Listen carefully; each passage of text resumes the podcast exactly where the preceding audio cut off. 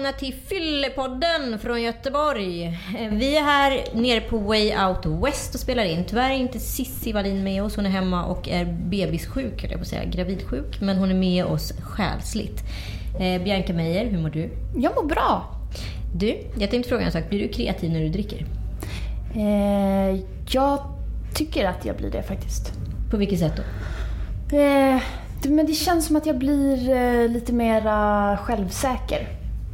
Och då är det som att jag slutar eh, censurera.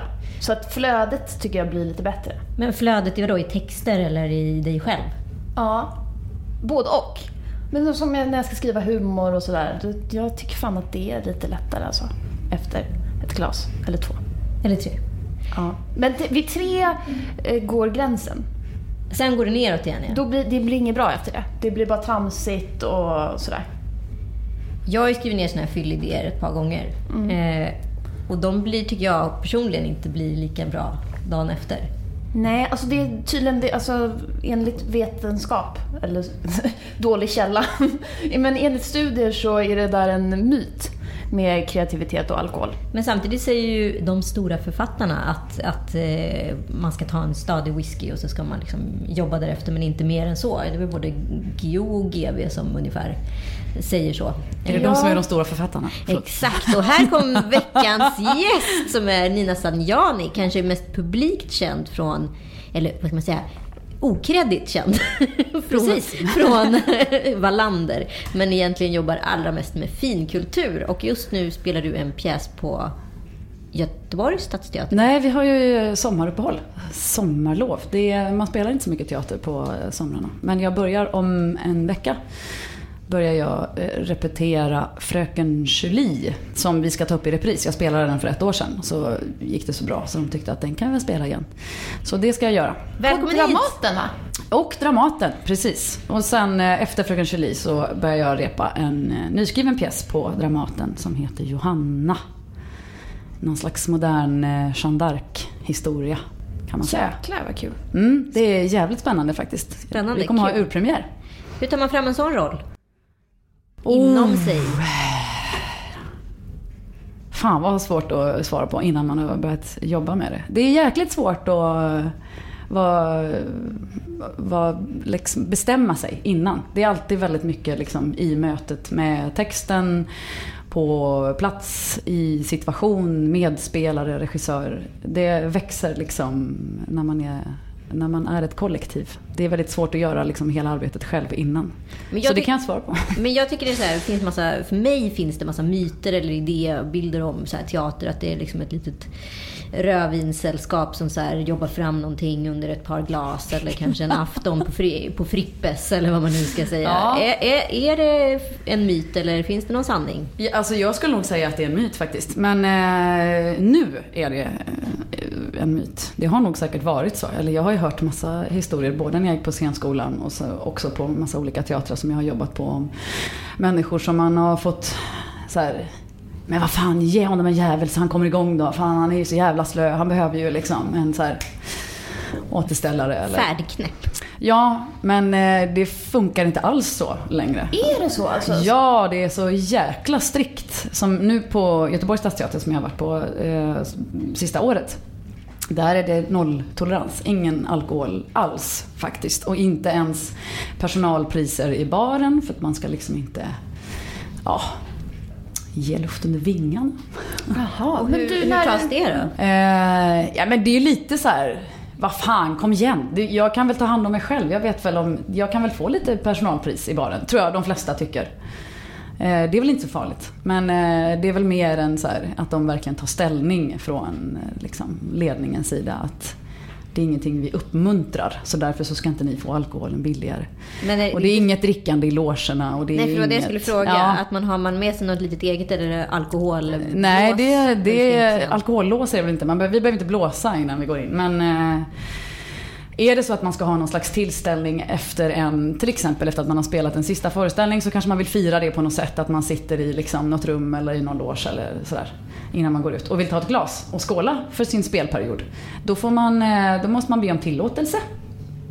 Jaha. Så att VDn får godkänna det först. Så det är inte så här att man går omkring och dricker lite hela tiden. Ja, det var det programmet. inte. Tackar vi för att du kom. Ja,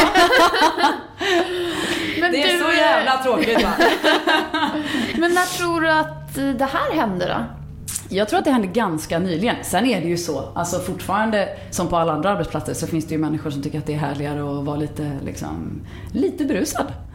Men det är ju, jag tror att det finns överallt. Så den där bilden av att eh, Ja men den där flummiga arbetsplatsen, en teater där man dricker lite rödvin och eh, slänger ihop något. Det stämmer inte alls. Det är ganska strikta regler liksom. Det känns som att det finns ju något sammanhang som folk så här lite kan slåss för spriten, så är det inom teaterväsendet.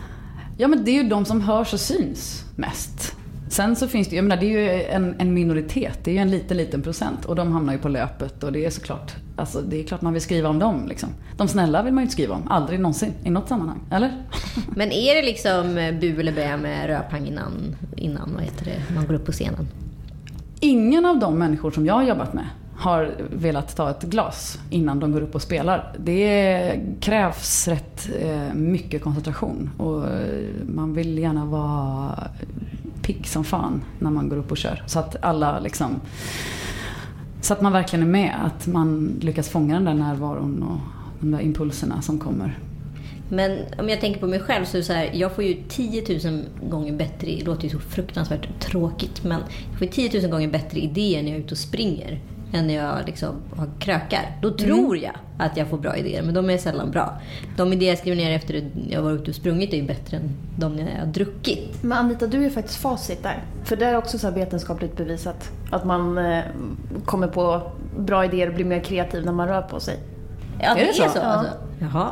Ja, Jag tänkte mest att så här, gud, jag har liksom lite skämts för det här. För jag har i alla fall liksom... Du känner dig för präktig menar du? Ja, för jag, jag har tänkt på alla så här, alltså, vad ska man säga, Beatles, man i princip Beethoven och Mozart i samma band. Och liksom Lennon McCartney och, och Elton John tror jag liksom uttryckligen har sagt där att han hade skrivit en bra låt sen han slutade med droger och, droger och eh, alkohol. Eh, och jag, jag har ju någon bild utav att det finns någon här teaterlärare till och med tror jag det är som är, den kan du säkert du sätta namn på, när man är en rysk teaterlärare som man är som mest tom eller nollad.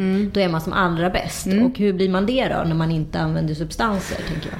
Gud, det här låter också så jävla tråkigt. Men det är ju det som är jobbet. Alltså det är väl det som är själva hantverket. Att, vara, att träna upp den förmågan.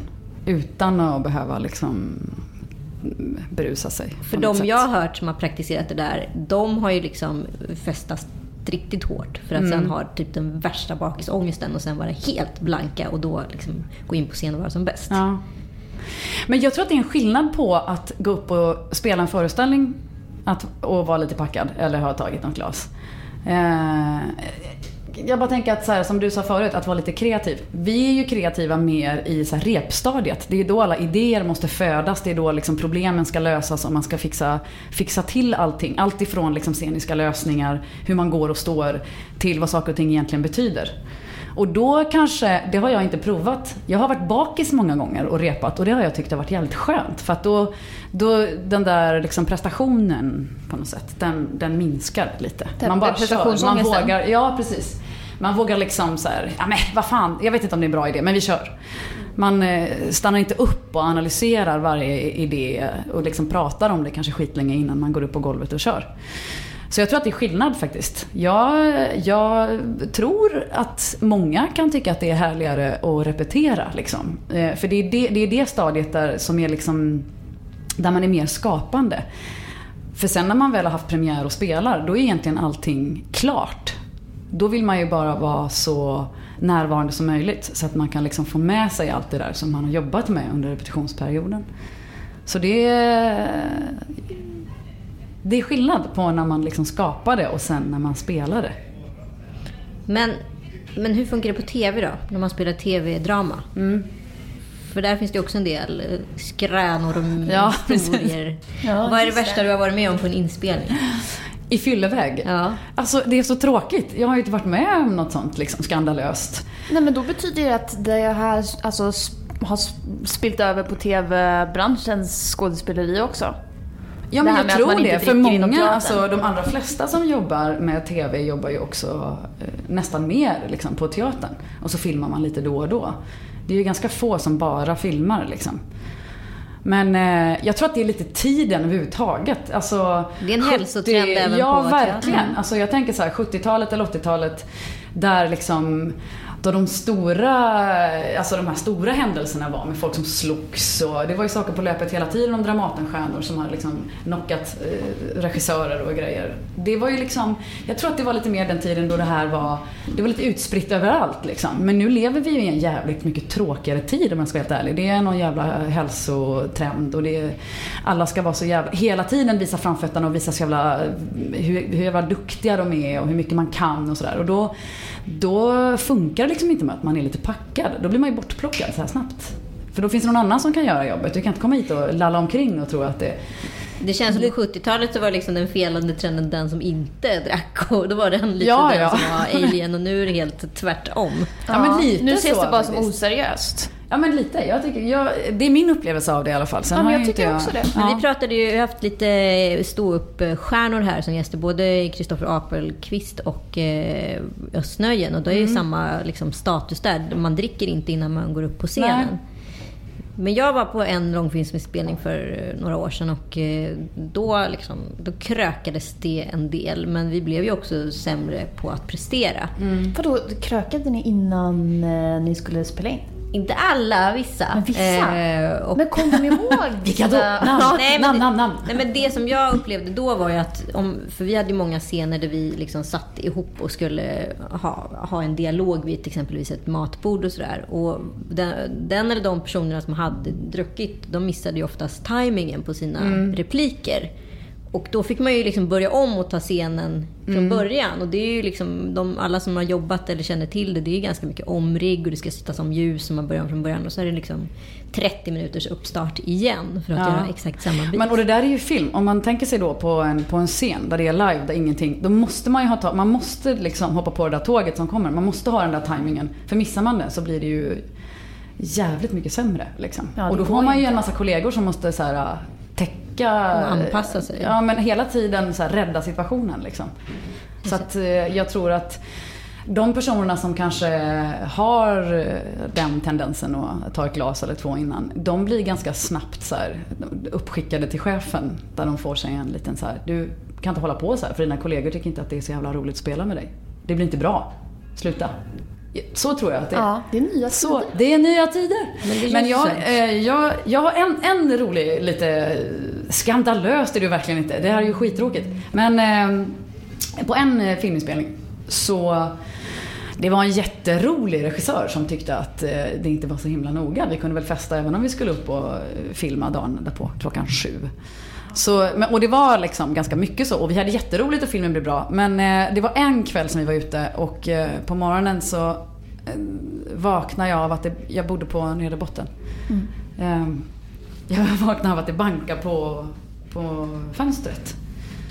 Och då tittar jag som man ju gör på klockan, vilket är telefonen. Jag tar upp telefonen och innan jag ser vad klockan är så ser jag att jag har typ så här 48 missade samtal. Och men sluta, jag får ångest redan nu. Ja, sån jävla... Jag bara flyger upp och så hör jag så här, Nina! På utsidan. Då är det liksom en av våra inspelningsledare. Skitarg. Jag flyger upp som en yr höna bara, springer fram och tillbaka. Jag visste inte vad jag skulle börja med. Ska jag klä på mig? Ska jag öppna fönstret? Ska jag liksom, vad fan? Och då, jag klär på mig och springer ut och då är jag, och när man filmar, alltså tid är ju verkligen så jävla värdefullt för det Ja, är ja, så ja. dyrt. Det är så sjukt mycket pengar som bara Ja, tickar det är iväg. per liksom. minut i princip. Ja, men det är verkligen det. Eh, och jag hade sån jävla ångest. Och jag, men jag var helt yrvaken, jag förstod ju fortfarande ingenting. Men när jag springer ut på gården så ser jag att det är en annan eh, ur det här teamet som vi jobbar med, en assistent. Som bankar på fotografens fönster. Han har också försovit sig samma morgon. Gud vad skönt att Så det var så jävla lättnad, det var så jävla skönt. Så vi hade ändå inte kunnat göra någonting. Om inte fotografen är på plats så går det liksom inte. Så det, han var verkligen min räddning. Men eh, ja, det är väl ungefär det värsta jag har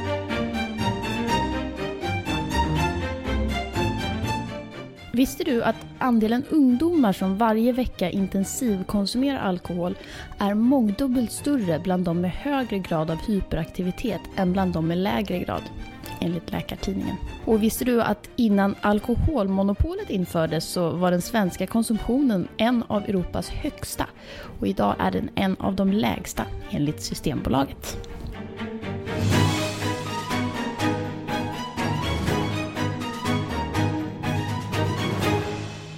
Får du ofta ångest om du har eh, druckit? Jag är jättekänslig för det där till exempel. Ja, jag är fan också det. Jag har migrän och det får jag, Det får jag också. ofta i samband med att jag dricker alkohol. Så att eh, om, jag, om jag vaknar och har migrän så det är bara det är ju så jävla mycket ångest i sig. Men sen så bakfyllan, mm, fan alltså, man är ju inte 20 längre. Det är inget roligt.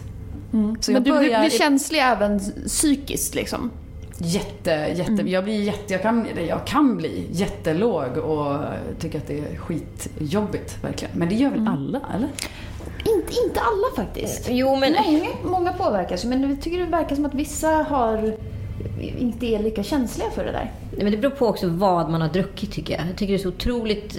Det jag har liksom lärt mig idag efter många års konsumerande utav alkohol. Nu har man ju faktiskt druckit större delen av sitt liv, vilket är ganska tragiskt att behöva inse när man är 36. Jag började festa när jag var 14 ungefär. Eh, och det är ju Nej, varför är det tragiskt? Nej men det är ju för att alkohol är ju en drog och man måste ju träna sig på den här drogen. Jag var ganska dålig på att dricka mellan jag var 14 till egentligen 25-26.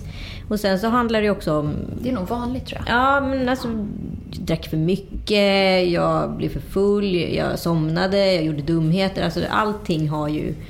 Det är ju någonting man måste utbilda sig om. Var går min smärtgräns? Och sen så har jag hållit på lite och eh, upp och ner i vikt och sådana saker och fått två barn. Och då tror man också att man kanske klarar sin gamla liksom, toleransnivå. Men så inser man att herregud, nej men nu har jag ju inte ätit någonting här på några dagar. Det här funkar ju inte alls. Liksom. Eh, Vadå, tål man sprit sämre när man skaffar barn menar du? nej men jag tror... eh, Ska aldrig skaffa barn. Nej, nej, men, nej men dels är det med amning, då blir man ju jättelätt påverkad. Du kan ju inte dricka mer än två glas. Du, sen börjar det snurra ordentligt. Och sen så har du det med sömnen. Du sover ju inte riktigt. Så då kan man ju inte riktigt eh, gå all in. För du ska ändå vakna om klockan ett, tre och fem typ. Eh, och mata. Och sen så... Och så just i en sån här period med... Jag fick ju barn för nio veckor sedan nu. Eh, då vad heter, håller jag ju på att gå ner i vikt. Eh, och då, då känner man sig ganska yr ganska fort utav lite. Liksom. Så att det gäller ju att hitta det där hela tiden. Förr i tiden så hade inte jag några problem med att bli lite snurrig i huvudet. Jag tyckte det var ganska skönt och det var det som, vet, nu sätter det sig. Nu börjar jag slappna av i käkarna, nu kommer det. Idag så blir jag ju ganska tycker det är en ganska obehaglig känsla att få det här eh, yr, yret i huvudet. Men hur, hur känner du? Du är 26, eller hur? Så precis där på året Ja. där du började lära dig. Liksom. Lär känns det nu? Lär nu. Ja, jag börjar väl skärpa till mig lite. Men så himla duktig är jag inte. Nej men det är ju inte så att jag säger att nu är jag fullärd och kommer aldrig mer få en snedfylla. Utan det får man ju garanterat. Men jag kan åtminstone veta mina egna begränsningar på ett nytt sätt. Men hur gammal är du Nina? 32. Ja, hur känner du? Nej, men jag har aldrig varit eh, en sån eh, som har druckit för mycket och tappat det och blivit hemburen av kompisar eller liksom, där man har fått ringa föräldrar. Det är jag har aldrig haft den relationen till alkohol. Jag har alltid faktiskt druckit ganska måttligt. Och sen är jag lite så här. jag tror fan inte jag tål så mycket. Om, det, om jag dricker lite för mycket så skulle jag nog kräkas. Liksom. Så att det är så här, jag skulle nog kräkas upp det innan jag hamnade i det här medvetslöshetsstadiet som man ser vissa i ibland. Jag har aldrig, jag, jag, jag tror inte jag skulle komma dit även om jag försökte alltså. Men sen blir jag, jag, jag har aldrig haft en snedfylla. Jag blir alltid bara glad. Jag blir aldrig ledsen eller arg. Nej men jag blir också alltid bara Så jag har en glad. ganska positiv relation till alkohol. Faktiskt. Hur, hur, så, hur har din liksom, alkoholkarriär sett ut? Alltså jag är ju uppvuxen du? på landet. Där bör, jag började dricka när jag var kanske 12-13, 13 snarare. Och på landet så dricker man hembränt. Vi hade ju en så här, en, en, en snubbe som kom till dörren med en dunk. Och man ringde honom. Hem till mamma och pappas du? Ja, eller där festerna var liksom. Eh, mamma och pappa var oftast inte hemma när Det är man hade lite fester. som alkoholtaxi som det heter i Stockholm. Då. Ja, precis. Eh, men oftast så var vi ute vid olika, liksom, jag vet inte, i skogen och olika sjöar och så här. Hade Men är det inte livsfarligt med hembränt? Jo, idag skulle jag, om jag fick prata med min 13-åriga variant av mig själv så skulle jag säga gör det inte.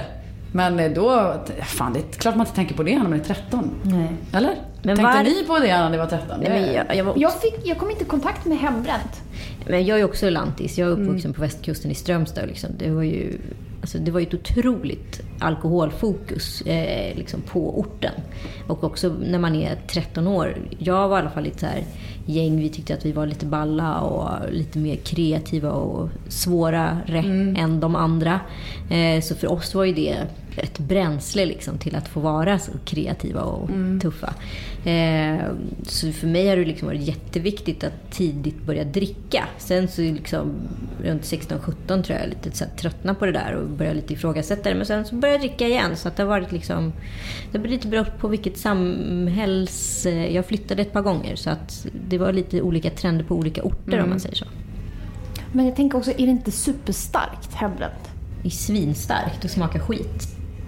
Att, att du ändå inte råkade ut för eh, någon sån Dålig där... sprit. Ja, men man, jag vet att Någon man sån pratar super- om att här, man kan bli blind och Ja. det var, man Men visste att ju du ändå inte ens om blev det. sådär Liksom. att, att du kräktes någon gång eller Jo så. men det gjorde, alltså, det gjorde jag nog liksom, några gånger. Men det var liksom inte sådär att jag låg du vet, avslagen någonstans. Och jag var mer den, man, hade, man fick ju sina roller ganska snabbt också i den åldern. Jag var lite mer så här, jag, eh, på ett sätt har jag varit liksom ganska ordentlig. Eh, så att jag, jag hade liksom lite rollen av att ta hand om istället för att bli omhändertagen. det, det där är jätteintressant för jag pratade med ett uh, ungt tjejgäng här för ett tag sedan och då var det verkligen att en var ju, som jag kunde lite identifiera mig med, i alla fall när jag så, tänker på min egen så här, tonårsfylla. Den som alltid så här, somnar eller liksom blir lite för full och, och så här, är gladast i hatten.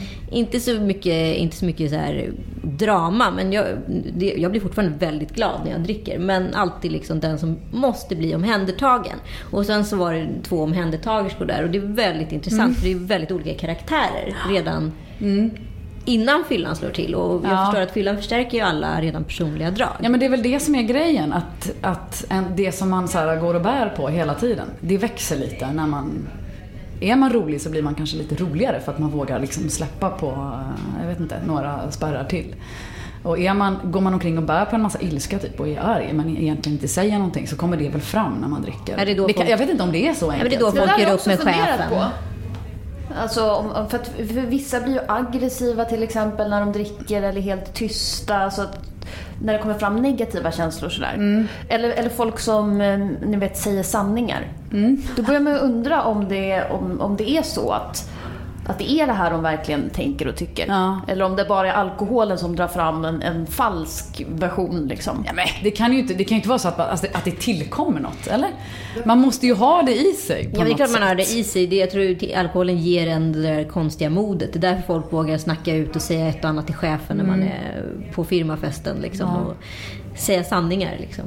Men eh, jag undrar om inte de där sanningarna många gånger kan vara lite spetsade med så här, stundens hetta. Jo, det måste det ju vara. Vad fan. Hur blir du på fyllan? Nej, men jag tror fan att jag har blivit sådär alltså helt eh, irrationellt arg och så. Så att jag, Du som alltså, är så att- lugn. Ja, man kan inte tro Nu kommer det fram! det. Vad bär du på där inne jag egentligen? Är, jag, jag är ju inte så lugn egentligen. Men, men eh, jag kan... eh, nej, men jag har blivit sådär alltså rasande. Och att jag faktiskt kan säga då att nej, det finns inte någon grund i det. Det är inget så som jag egentligen känner. Nej. Nej, men då jag tror att det kan. facit. Ja. Men du, gillar, du, du är en sån som gillar dramat. Eller hur ska man uttrycka det? Kring berusningen. Jag vet inte, jag har, alltså, om jag dricker lite för mycket då har jag, då har jag nära till min eh, aggressivitet. Och vad Så händer, brukar, det brukar hända killar mer. Vad händer när du... Det kanske har med dina serotoninnivåer att göra. Men, ja, eh, kanske. Alltså, jag vet inte vad det är, men det är så här, ja, jag, får- jag får vara på min vakt där liksom. Men vad händer då? Kan du inte berätta något? Som... Nej, jag kan bli lättkränkt. Och liksom, Söker du bråk? L- Ja, luktar kan jag du efter göra. fighten? Ja. Alltså, ja men jag blir väldigt... Så om vi tar en öl här efteråt så ska man passa sig jävligt noga. Nej, jag blir faktiskt väldigt lättkränkt. Om jag dricker för mycket, ska jag säga. Så att det, då kan det ta fram, eh, apropå negativa känslor och psyket och sådär. Det, det kan det göra hos mig faktiskt. Det är Jag lite obehagligt alltså. Det där är så återkommande. Jag har aldrig själv varit i en relation där jag bråkar mycket med min partner när jag dricker. Men jag tycker jag ser det och har gjort det under hela min alkoholkarriär faktiskt. Har ni varit med om det? Ja. Att det är, så här, det är så typiskt att vi börjar bråka för att vi har druckit. Liksom. För det är det man gör. Men jag kommer ihåg en midsommar med mitt ex som är liksom eh, ett utav dem. Eh, som är liksom... Ja, det är Norén fars. Det börjar med att vi kommer till en fest eh, och det är, ja, det är så utomhusfest såklart. Det är midsommar och alla kommer från olika håll, olika sällskap. Och min eh, dåvarande hade med sig en flaska vodka som han gav till värdparet. Och sen så helt plötsligt så smet han iväg någonstans och så var det någon kompis till mig som hade sett honom stå och halsa den där vodkan själv. Nej, sen, sen så liksom eh, fick han någon sån här fyllepsykos och låste in sig i bilen och satt och sparkade och skrek och fylle gjorde slut. Och jag stod utanför och grina och ja, det, det var ju bara ett drama. Sen så vaknade Fan, han- klassiskt. Ja, sen vaknade han väl till vid eh, sextiden på morgonen och hade någon, alltså någon bedrövlig eh, bakfylleångest. Och eh, jag, stackaren, var väl den som hade varit relativt nykter den kvällen i och med att den andra pikade. Fick då sätta mig i bilen och köra hem oss. Absolut inte helt nykter, men det... Så ja, jag har varit med om det själv och jag ser det också väldigt mycket. Att par som pick a fight, minst sagt. Jag med. Har du fyllebråkat någon gång? Nej, jag har ju inte det. Det har verkligen inte varit... Men alltså att bråka överhuvudtaget har inte varit min grej när jag har druckit. Eller när jag dricker. Jag blir alltid jättesnäll. Mycket snällare, mycket liksom lättare att ha att göra med. Jag kan vara ganska så här fyrkantig. Eller så här, jag är lite kontrollmänniska, behöver ha koll på läget. Och, nej, men vi sa klockan fyra, då är det klockan... Jag släpper lite på de där grejerna. Blir lite härligare person helt enkelt. Och Men gladare. Men är du lyssnaren eller är du prataren? Vad sa du? Är du lyssnaren Nej, eller är du prataren?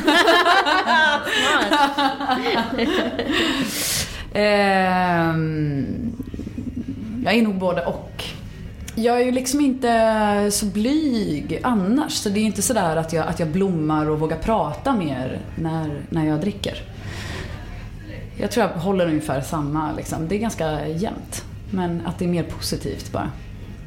Att jag tycker att det du berättar blir så mer intressant. Och Men det jag själv pratar är, om. du- är du sån här som vill, vill frälsa alla gays som Cissi Wallin vill göra, så hon får lite feeling?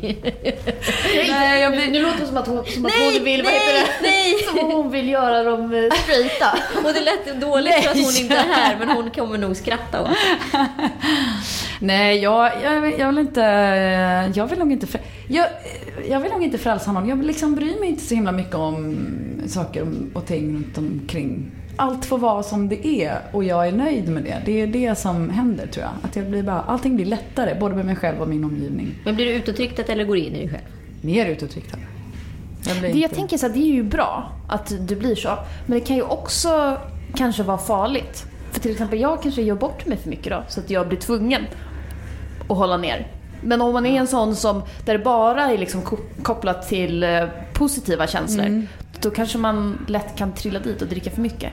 Nu gäller ju inte det dig, men jag tänker sådär. Jo men det tror jag verkligen. Om det är så att man blir den härliga personen och liksom mer så pajas eller clown och då är man ju omtyckt av sin omgivning. Då är det klart att man söker sig dit igen. Så här, fan när jag drack sist så var jag, jag jätte... Jag hade ju jättemånga kompisar. Men, ja, men jag hade ju verkligen, när jag flyttade till Stockholm och började verkligen, verkligen gå ut, då, då kunde jag ju gå hem efter jobbet en fredag och sen ställa klockan på klockan två på natten eh, för att gå in och typ, eller ett på natten, gå in och duscha, sminka mig och sen hoppa på bussen ner till stan och sen gå på nattklubb. Och på nattklubben hade jag massa polare som jag typ aldrig hälsade på i nykter tillstånd. Nej. Men där var vi BFFs. Liksom. Och det är ju en udda värld det där. Eh, för man vet liksom, när man träffar de här i nykter tillstånd och på dagen, då har man ju ingen aning om riktigt hur man ska agera. Nej. Och Det är stelt då är man ju också i något alter ego. Alltså som i under berusningen eller Ja. under festen. Nu är det inte så att man var full när man kom dit klockan två, utan man blev ju full där. Men eh, Men det är ändå den, det forumet liksom. Exakt. Så det finns en, en stark överenskommelse att här är vi ändå så här. här gör vi på det här sättet, Ja. precis. Och här är du den och du den. Och den kanske inte du är klockan två dagen efter. När jag har haft de perioderna, nu kommer, jag, nu kommer det ikapp mig, då har jag haft jävligt mycket ångest. Och liksom i en längre period, där man inte har, det har ni också säkert gjort, att man har liksom under en lång period gått ut, sen sovit hela dagen, gått ut igen, sovit hela dagen, gått ut. När man har hållit på sådär i några dygn liksom, och gör det under en längre period. Så det är ju fan som att få en slägga i huvudet efter ett tag alltså. Man blir ju helt sänkt. Ja, men det, jag- jag gjorde det när jag var typ 18-19 hade jag en sån jätte, ganska lång period av att bara verkligen vara ute och festa. Det var det enda jag gjorde. Och inte såg liksom dagsljus på, jag vet inte. Så hemskt. Det, på det är ju så jävla... Och det enda som kan rädda en då är så här, jag måste fan gå ut, det går inte. Jag är, nu är jag så jävla ledsen. Det kryper i kroppen för man har sån ångest och sen så måste man typ... Men jag, apropå festival, eftersom vi ändå sitter på Way Out West så är Ja, jag... här krökas det ju på bra. Här krökas på bra och vi, vi är ändå så här festivalgenerationen, lite du och jag Nina. Och jag har varit på Roskilde och varit på, inte på Hultsfred, men på Lollipops när det begav sig ett par gånger. Eh, och där är det ju liksom plattan, precis som vi har pratat om tidigare tror jag, ölplattan nästan lika viktig som, som inträdet till festivalen. Mm. Och där kommer jag ihåg att jag hade så jäkla svårt dag två att komma upp på den här hästen igen som man pratar om eh, i fyllesammanhang. Som är att så här, ja, egentligen festa stenhårt första dagen när man kommer dit, man är skitglad. Eh, och sen så vakna på morgonen, knäcka en öl och så festa igen. Är det så till frukost? Jag ja, ja, gud ja. Det var... Jag måste gå på festival. Nej. Jag har inte varit på festival. Har du aldrig varit på festival? Nej, och så ska vi hem nu. Ja, så deppigt. Men du måste ju nästa åka på en sån här camp, campingfestival någon gång. Det är det som är hela grejen. Att man så här, typ inte sover i det här äckliga tältet och så vaknar man på morgonen, kryper ut på alla fyra och tar en öl det första man gör. Åh herregud alltså. Man hade ja, liksom men det är det, för det är alltid flera, alltså festivaler är väl alltid flera dagar. Ja, de brukar Ja, de vara Och då Ja. blir det ju här att man måste dricka, eller måste, det är klart man inte måste det, men att trycket är väl att man ska dricka då. Är det dygnet runt eller hur funkar Nej, men det? Men så var det när så. jag var på festival. Så Ja. var det, det var liksom, vårt camp var viktigare än vilka band det var som spelade och vad man såg och upplevde. Det var liksom festivalflaggan. Ja gud, och hur man satte upp tälten. Exakt. Vilka som var, det var ju... Viktigt att man så här fick tält i en bra position. Alltså I ring. relativt nära en bajamaja men inte precis bredvid. Nej, och så skulle det vara roliga människor runt omkring och snygga killar. Men hur, Eh, hur orkar man dricka sådär från morgonen? För man är Mår typ inte 18 jättedåligt? år. Ja, för att man är typ 14 år skulle jag säga. Ja. Men det var, det var ju lite så. ja, 16 var jag första gången jag var på Roskilde. Eh, och, ja, precis. Det hade ju all, för mig hade det aldrig gått idag. Jag hade ju, för det första så hade jag bara, nej men nu tar jag in på ett hotell, här kan jag inte sova. Sen hade jag ätit en frukost och jag hade, fan vad tråkigt. Men, men det funkade ju då. Jag blev aldrig bakis när jag var så här 14, 15, 16. Och jag kommer också ihåg hur ballt jag tyckte det med vara de här eh, underbara barnfamiljerna som bodde på det här tältområdet bland alla de här eh, fulla människorna som drällde runt och kräktes och allt vad man höll på med. stackars barnen. Så man tänkte, gud så där ska jag också bli som förälder. Och där kan jag säga, fuck you! Aldrig i livet att jag ska bli sådär som förälder. Det är skönt att man ändrar värderingar.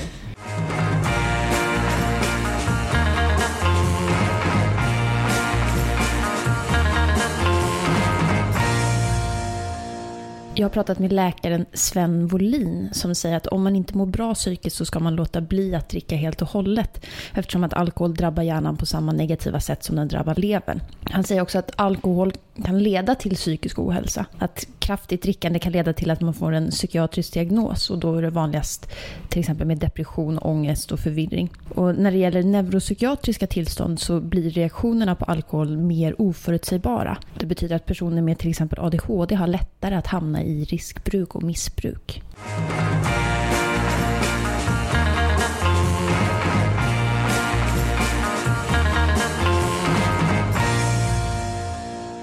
Hur ser din relation ut till alkohol nu? Alltså vad, vad, vad innebär det att, att vara lugn som du säger?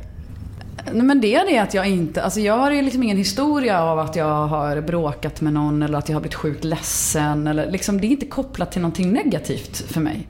Så jag har en väldigt positiv relation för att det alltid har liksom varit jävligt positivt och vara lite lullig och så här. Men jag har ju som sagt aldrig varit så här dyngrak liksom. Jag har aldrig blivit så full. Tror jag. Alltså jag har ju varit full så jag har spytt. Men då har jag ändå varit fixat det själv liksom. Fan nu mår jag illa, jag går på toaletten, jag spyr eller jag går ut. Alltså det har inte varit att jag legat i mina egna spyor och någon har fått så här duscha mig och sånt. Som jag har gjort med andra vänner liksom. Ja, den är ju jättejobbig. Men, eh, men hur var det på scenskolan då? Krökar man inte där? Jo, där krök Men jag var ju lite såhär, när jag kom in på scenskolan så bara yes! Fan nu jävlar. För då hade jag ju också hört om den här historien av att man bara så här, man bara knarkar och super och alla bara hånglar med alla, alla ligger med alla, det finns inga regler. Det var så här, den totala anarkin som jag bara såg fram emot så jävla mycket. Men så var det ju också som det är liksom på, på mina arbetsplatser idag, ganska ordnat. Liksom. Det var en högskoleutbildning som vilken som helst. Det var rätt, rätt många poäng, många år. Rätt svåra avancerade saker man höll på med där. Liksom. Så det var inte, vi hade ju så här scenskolepubbar som var jättepopulära. Det var skitmycket folk som kom på dem och så. Men det var ju, det har väl alla under sina studentår, typ. Att man festar då Ja, och då. ja. Liksom. Så det var ju inte det, det, var inte, det var inte extremt på något sätt. Och ingen, vi hade liksom ingen i vår klass var sådär, kom nu ligger vi. Kom nu. Det var liksom så jävla tråkigt. Alla var så jävla uppstyrda. Det försvann tror jag. Liksom. Det var nog så mer förut. Det gick ju en massa, det finns ju en massa skrönor och massa historier. Liksom.